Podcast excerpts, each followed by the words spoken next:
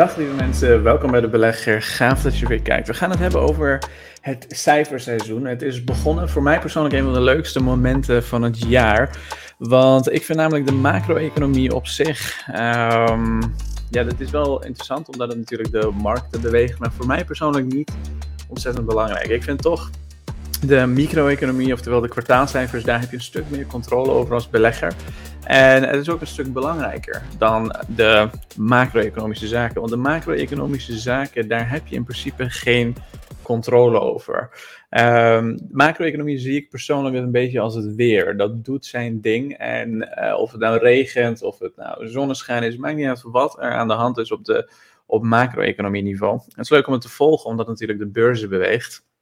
Maar het is uiteindelijk de micro-economie die voor jou als belegger zijnde het verschil kan maken in je rendement. Want als jij, heel simpel, niet de kwartaalcijfers van jouw bedrijven kent, als jij niet de financiële gegevens van, van je bedrijven kent, als je niet weet hoeveel winst ze maken, hoeveel omzet ze maken, wat een product is, als je uh, simpelweg niet weet hoe die groei er de komende tijd eventueel uit, uit zou kunnen gaan zien, welke risico je hebt genomen al dat soort zaken. Als je dat soort dingen niet weet, dan uh, kan het de beste tijd van het jaar zijn, maar dan ga je nog steeds flinke, flinke verliezen boeken. En voor mij persoonlijk zijn dit dus ook momenten die een idee geven met uh, waar die bedrijven nou specifiek mee bezig zijn. En het is niet leidend, hè? mensen of een bedrijf mag best een kwartaal of twee um, relatief slechte cijfers uh, laten zien.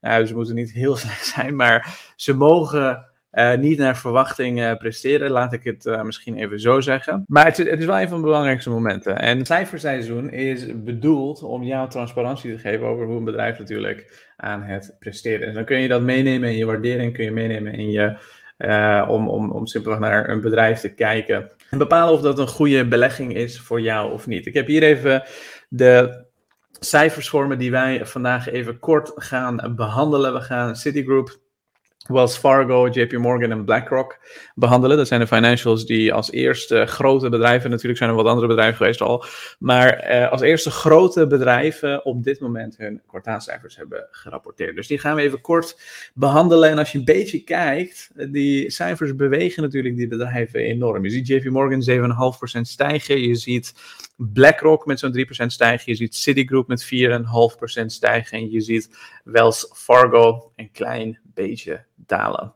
Dus het heeft ook natuurlijk onderaan de streep een grote impact. En veel beginnende beleggers die weten dat niet heel vaak. Hè. Die, ik, merk toch een beetje in mijn DM's dat heel veel beleggers zijn die um, toch niet heel erg ja, hun vinger op de pols hebben als het op kwartaalcijfers aankomt, laat ik het zo zeggen. Ik denk dat er heel veel content te vinden is en heel veel mensen die zich focussen op prijs. Dus uh, dat zijn vaak traders, korte termijn handelaren. Terwijl als belegger zijnde is dit misschien wel een van de belangrijkste momenten van het jaar. Ook als je kijkt naar de banken in Nederland. Dus die banken in de VS hebben het zo denderend goed gedaan. Dat de banken in Nederland uh, zelfs daar profijt van hebben gehad. De ABN AMRO Bank die uh, op 15 mei hun kwartaalcijfers rapporteert. Um, en ING, die ook in mei hun kwartaalcijfers rapporteerde, die stegen mee met die Amerikaanse banken. Omdat je toch ziet dat die banken relatief sterk zijn. Sterker nog, voor mensen die uh, de website bezoeken. Ik heb, uh, omdat het cijferseizoen is, uh, ga ik alle cijfers behandelen die, in ieder geval alle niet allemaal, niet letterlijk allemaal, want het zijn echt belachelijk veel. Maar de meest belangrijke cijfers van de meest interessante bedrijven, die zal ik uh, behandelen, uitgebreid. En uh, als je benieuwd bent naar de meest recente cijfers en je gaat naar de belegger.nl, je ziet nu in die homepagina um, de meest recente cijfers. Dus als je daar altijd, uh, als je daar een keer op zoek naar bent, Ga naar debelegger.nl, daar zul je ze vinden. Volgende week wordt uh, heel erg uh, interessant. Uh, maandag komt Charles Schwab is aan de beurt. Dinsdag hebben we Netflix, Lockheed Martin, Johnson Johnson, Bank of America. We krijgen ook de Chinese BBP-cijfers, overigens macrocijfers. Woensdag, voor mij persoonlijk ontzettend interessant, want Tesla rapporteert dan hun kwartaalcijfers. En daar kijk ik persoonlijk het meeste naar uit. IBM zal ook zijn kwartaalcijfers rapporteren op woensdag. Morgan Stanley, ASML, ABN AMRO. Uh, die heeft geen kwartaalcijfers overigens. Dat is, dat is, een jaarvergadering die ze hebben. Maar soms uh, uh, komen daar ook wel wat cijfers naar buiten. CM.com, inflatiecijfers in in de Verenigde Koninkrijk. we gaan donderdag Nokia zien, TSM. Taiwan Semiconductor Manufacturing. Um, Amex, we gaan AT&T zien, Blackstone, Philip Morris, Volvo, SAP en Procter Gamble. Dus een hele interessante week uiteindelijk. En ehm, voor mij in ieder geval Tesla, dat in mijn portefeuille zit, daar zit nu ongeveer zo'n 30.000 euro in. En we hebben natuurlijk al de delivery cijfers van Tesla. We gaan nu zien wat de winsten en de omzetten zijn geweest. En bij Tesla wordt het dan vooral spannend om te zien hoe de, of in ieder geval wat de impact is geweest van die prijsstijgingen in het, of eh, prijsdalingen in het eerste kwartaal. Dus mega, mega, mega spannend. En uh, ik kijk voor, bij Tesla vooral naar de marges. Die marges die zullen waarschijnlijk een stukje lager zijn. Maar dat is natuurlijk ook de concurrentievoordeel van een Tesla. Dat gaan we in, in een andere uh, uitgebreid behandelen. Maar laten we even nu stilstaan bij de vier bedrijven die vandaag uh, hun kwartaalcijfers hebben gerapporteerd. Je kan een overzicht, je kan een uitgebreid overzicht vinden als je naar de belegger.nl gaat. Maar Citigroup, die heeft uh, hele goede cijfers neergezegd. 4,6 miljard aan netto winst tegenover 4,3 miljard in dezelfde periode vorig jaar. En volgens mij een van de weinige banken die op jaarbasis hun winst gewoon heeft zien groeien. Uh, ehm, 21 miljard aan omzet tegenover 19,99 miljard uh, wat analisten hadden verwacht. Dus overal hele goede cijfers voor City. Daar worden ze dus ook op de beurs voor beloond. Kijken we naar Wells Fargo, dan zien we dat ze een winst per aandeel van 1,23 uh, eh, hebben gerapporteerd versus 90 cent vorig jaar. Dus ook daar gaat de winst op jaarbasis omhoog. Um, en de verwachting was dat het op 1,13 zou zijn, dus die is flink hoger. Uh, de omzet uh, kwam uit op 20,73 miljard uh, tegenover 20,08 miljard verwacht. Dus ook wel Fargo heeft het ontzettend goed gedaan. zowel op omzet als op winst. En zeker op winst hebben ze best wel een gigantische ehm, winst. ja, het, beter gedaan dan de verwachting, laat ik het zo zeggen. En een stuk beter verwacht dan eh, de verwachting. Want 10 cent hoger scoren dan de verwachting voor dit soort bedrijven is relatief hoog. En overigens, de meeste banken die hebben deze cijfers neergezet omdat ze natuurlijk, uh, omdat die rentes verhoogd zijn. Zij verdienen geld met rentes. En als de rente omhoog gaat, dan kunnen zij er natuurlijk ook wat winsten tegenover verwachten. BlackRock is dan misschien geen bank, maar een vermogensbeheerder. Die zag zijn omzet dalen met zo'n bijna 10% op jaarbasis naar 4,24 miljard. Dat was precies in de lijn de verwachtingen. En de winst die kwam uit op 7,93. Uh, dat is ongeveer 20 cent hoger dan de verwachting en 18% lager dan vorig jaar. Dus BlackRock had uiteindelijk niet hele denderende cijfers. Toch stijgt het aandeel ongeveer 3%. En dat komt natuurlijk omdat deze bedrijven de afgelopen tijd ook ontzettend hard waren gezakt. En zij doen het een stuk slechter dan de index. Zij doen het een stuk slechter dan bijvoorbeeld de SP in zijn algemeenheid. En als laatste, JP Morgan. Uh, dit is interessant, want we gaan ook kijken naar de effecten van bijvoorbeeld de bankrun. Want heel veel mensen hadden verwacht dat deze bedrijven ontzettend zouden gaan profiteren van die bankrun. Um, en dat is niet echt zo. Eh, gebleken als ik even de cijfers induik. Um, laten we eerst even kijken naar de winst en omzet. Winst per aandeel van 4,32 tegenover 3,41 verwacht. Dus gigantische winst. Um, uh, hoger dan de verwachting in ieder geval. Um, gigantisch hoger dan de verwachting. Dus één, ja, iets minder dan 1 dollar meer winst per aandeel. En dat is, dat is hoog voor dit soort, dit soort bedrijven.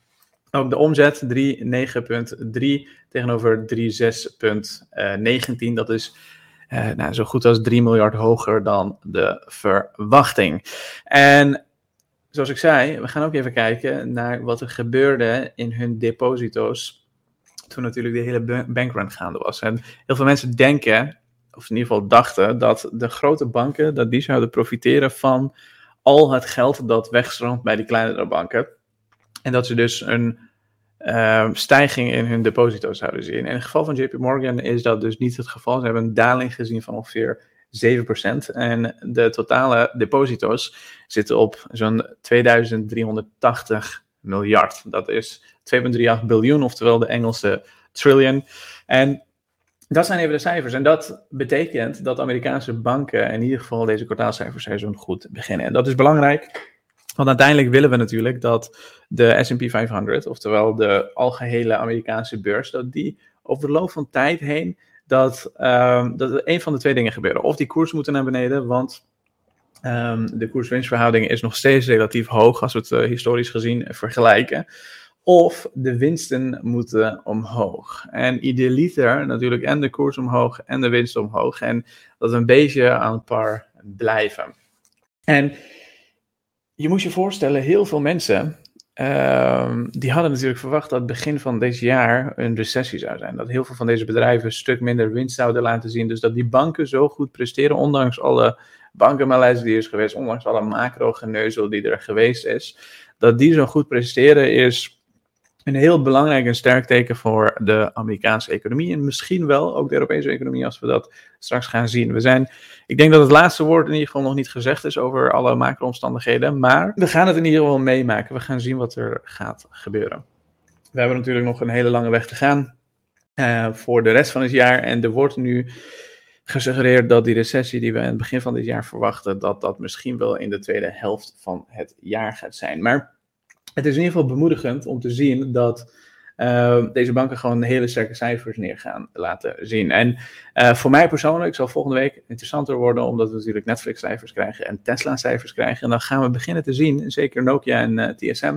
En Nokia zou je misschien niet zo denken, CM.com, ASML, dat soort bedrijven, die zijn toch een stuk belangrijker voor de groei van de economie. Ik denk dat voor, voor banken moet je niet meer naar enorme economische groei zoeken. Vooral in de winsten moet je denk ik zoeken. En dat hebben ze simpelweg neergezet. Maar het wordt interessant wat uh, techbedrijven uh, gaan presteren. Want techbedrijven die hebben natuurlijk uh, heel erg, het, heel, qua koersen misschien niet goed gedaan, maar qua winst en omzet hebben ze het uiteindelijk heel erg goed gedaan. Hoge kwaliteit aandelen, zijn dit jaar ontzettend hard hersteld. Niet alle aandelen, maar hoge kwaliteit aandelen. Een paar voorbeelden daarvan zijn bijvoorbeeld Tesla en Nvidia en, en, en, en Shopify en zo. Die hebben het best wel goed gedaan uiteindelijk. En dat komt omdat ze zelfs met al die macro-omstandigheden, en dat zijn precies de typische bedrijven die ik persoonlijk in mijn portefeuille graag heb, zelfs met al deze macro-omstandigheden, dat ze goed blijven presteren. Omdat ze nodig zijn, omdat ze een hele belangrijke functie hebben in de maatschappij en heel veel waarde leveren onderaan aan de klanten. En dat is wat ik idealiter zou willen zien. En ik ben benieuwd wat de kwartaalcijfers gaan zijn volgende week. Dus ik hoop dat je wat had aan deze video. Ik hoop dat je dit soort kortere, kortere updates in plaats van de livestreams wat leuker vindt. Als dat zo is, laat even een teken van waardering achter. Door een like achter te laten op deze video. Dat zou ik ontzettend waarderen omdat ik toch best veel tijd steek in het maken van dit soort uh, video's. En zorg ook altijd dat je even de belegger.nl checkt voor alle recente, alle meest recente cijfers en alle meest recente goede informatie die je nodig hebt om altijd bij te blijven als je een belegger bent. In ieder geval een lange termijn Dank voor het kijken en ik zie je snel.